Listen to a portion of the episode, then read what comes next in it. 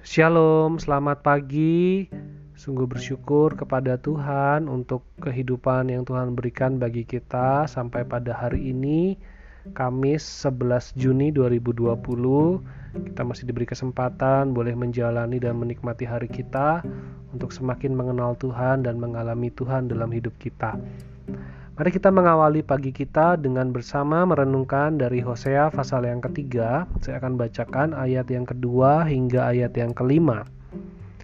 Lalu aku membeli dia bagiku dengan bayaran 15 shikal perak dan satu setengah homer jelai.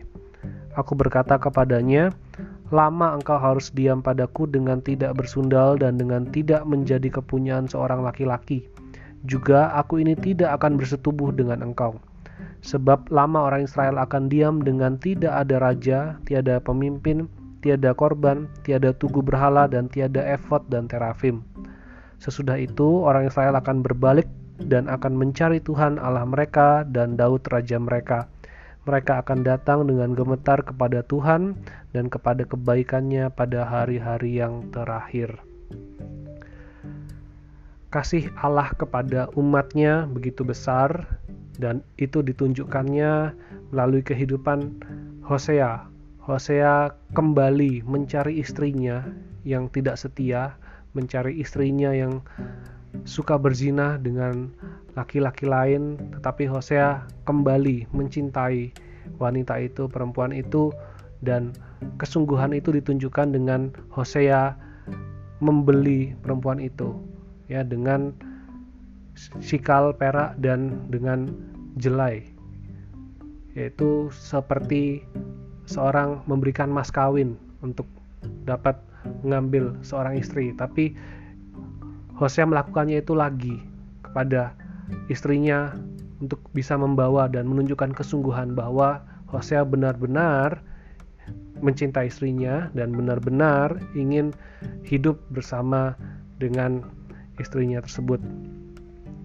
Dan ini juga merupakan gambaran kasih Allah bagaimana Allah bukan hanya mengasihi dan mencintai umatnya, bahkan Allah menebus umatnya.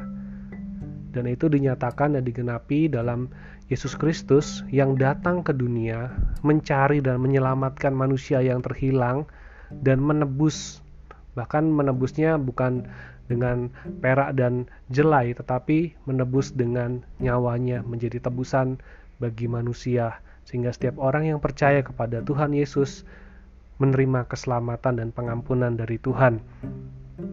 Itu gambaran, dan setelah ditebus, setelah membawa istrinya kembali kepada Hosea, yang dilakukan Hosea adalah tidak memberi kesempatan bagi istrinya untuk melakukan hal yang sama, untuk menikmati hal yang sama kehidupannya yang lama. Jadi setelah ditebus, Hosea membawa pada kehidupan yang baru, di mana perempuan tersebut tidak bersundal dan berzina dengan laki-laki lain, bahkan Hosea pun tidak bersetubuh dengan dia. Hubungan yang dibangun oleh Tuhan dengan kita umatnya yang ditebus adalah hubungan yang dibangun dengan saling mengenal, bukan saling menikmati atau saling mencari mengambil keuntungan, tetapi bagaimana saling mengenal satu dengan yang lainnya, mengenal kebaikan dan keburukan, mengenal kekurangan dan kelebihan, saling mengenal pribadi sifatnya, bagaimana. Itulah hubungan yang Tuhan inginkan bagi umatnya yang telah ditebus. Jadi bukan menikmati kesenangan-kesenangan dan bukan mengambil keuntungan atau mencari berkat-berkatnya saja, tetapi Tuhan menginginkan umatnya itu untuk benar-benar melihat pada Allah, pribadi Allah, bukan hanya berkatnya saja, bukan hanya pimpinan saja, tetapi bagaimana Allah mengenal sifat Allah, karakter Allah. Demikian juga Hosea memperlakukan istrinya yang Hosea harapkan adalah istrinya bisa tinggal lama dengan dia tanpa bersetubuh. Artinya bukan hanya saling menikmati tetapi saling mengenal, saling tahu. Lebih banyak waktu untuk berbincang, mungkin itu yang dilakukan oleh Hosea untuk saling mengenal dan saling tahu karena itu juga yang Tuhan lakukan terhadap umatnya Israel. Ya dikatakan Ayat keempat, sebab lama orang Israel akan diam dengan tidak ada raja, tiada pemimpin, tiada korban, tiada tugu berhala, dan tiada efod dan terafim. Itu adalah kondisi di mana bangsa Israel atau orang-orang Israel itu tidak punya raja, nggak ada pemimpinnya, nggak ada pemimpin secara politik. Kalau sebelumnya ada raja-raja, apa yang dilakukan oleh raja diikuti oleh rakyat, tetapi Tuhan membawa Israel kepada keadaan tidak ada pemimpin politik. Dia katakan tiada pemimpin, maksudnya nggak ada sosok rohani, nggak ada sosok nabi, tidak ada orang yang memberitakan firman Tuhan. Lalu berikutnya tiada korban, tiada tugu berhala dan tiada efod.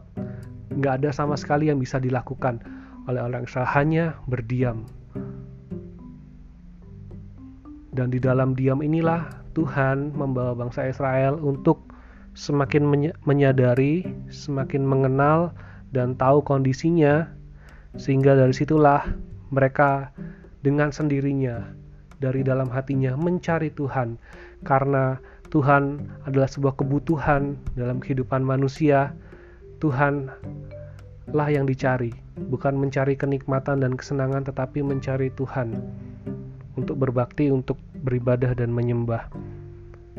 Jadi inilah hubungan yang Tuhan inginkan agar umatnya bukan sekedar ikut-ikutan untuk beribadah, bukan ikut-ikutan untuk melakukan ritual-ritual agamawi, tetapi mencari Tuhan karena menyadari membutuhkan Tuhan.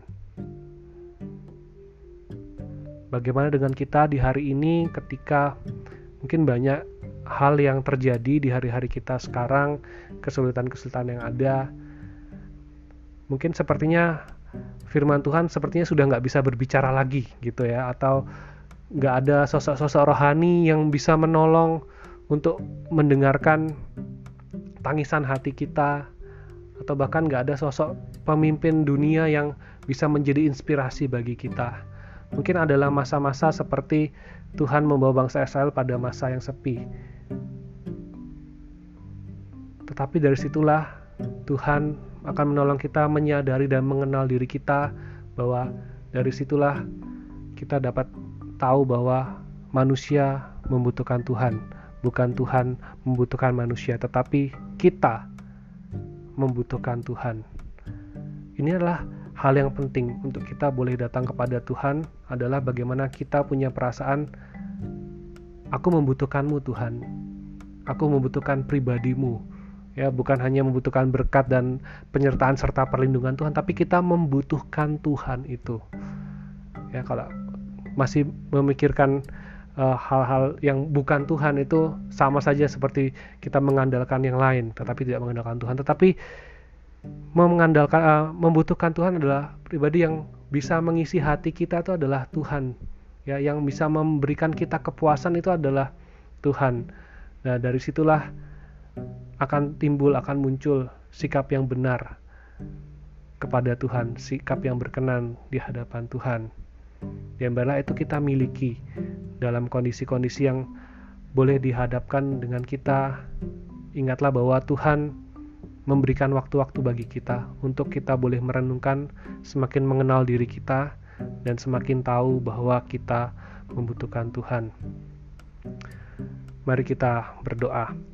Tuhan kami datang kepadamu, kami berdoa ya Tuhan, tolonglah kami untuk kami boleh semakin tahu akan siapa diri kami, akan segala kekurangan, keterbatasan, dan kemampuan kami. Dan biarlah Tuhan kami juga boleh memandang kepadamu, kembali mencari Engkau ya Tuhan, karena kami membutuhkan Engkau. Hanya Engkau lah ya Tuhan yang mampu mengisi kekosongan hati kami. Hanya Engkau yang Tuhan yang mampu memimpin dan memberikan kehidupan bagi setiap kami. Tanpa tanpa Engkau ya Tuhan, kami tidak dapat menikmati hidup yang Kau berikan bagi kami. Tanpa Engkau kami tidak dapat melakukan apa pun.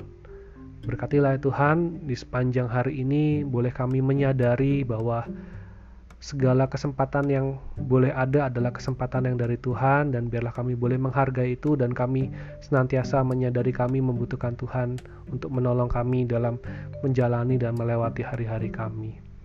Terima kasih ya Tuhan untuk penyertaan-Mu, terima kasih untuk keselamatan yang sudah Kau berikan bagi kami dan biarlah hidup kami adalah hidup yang sungguh berkenan di hadapan-Mu yang punya relasi yang baik dengan Engkau. Di dalam nama Tuhan Yesus kami berdoa. Amin. Selamat pagi, selamat beraktivitas. Dan ingat selalu bahwa Tuhan ada bersama dengan kita dan Tuhan mau kita ya menyadari bahwa kita membutuhkan Tuhan. Tuhan Yesus memberkati.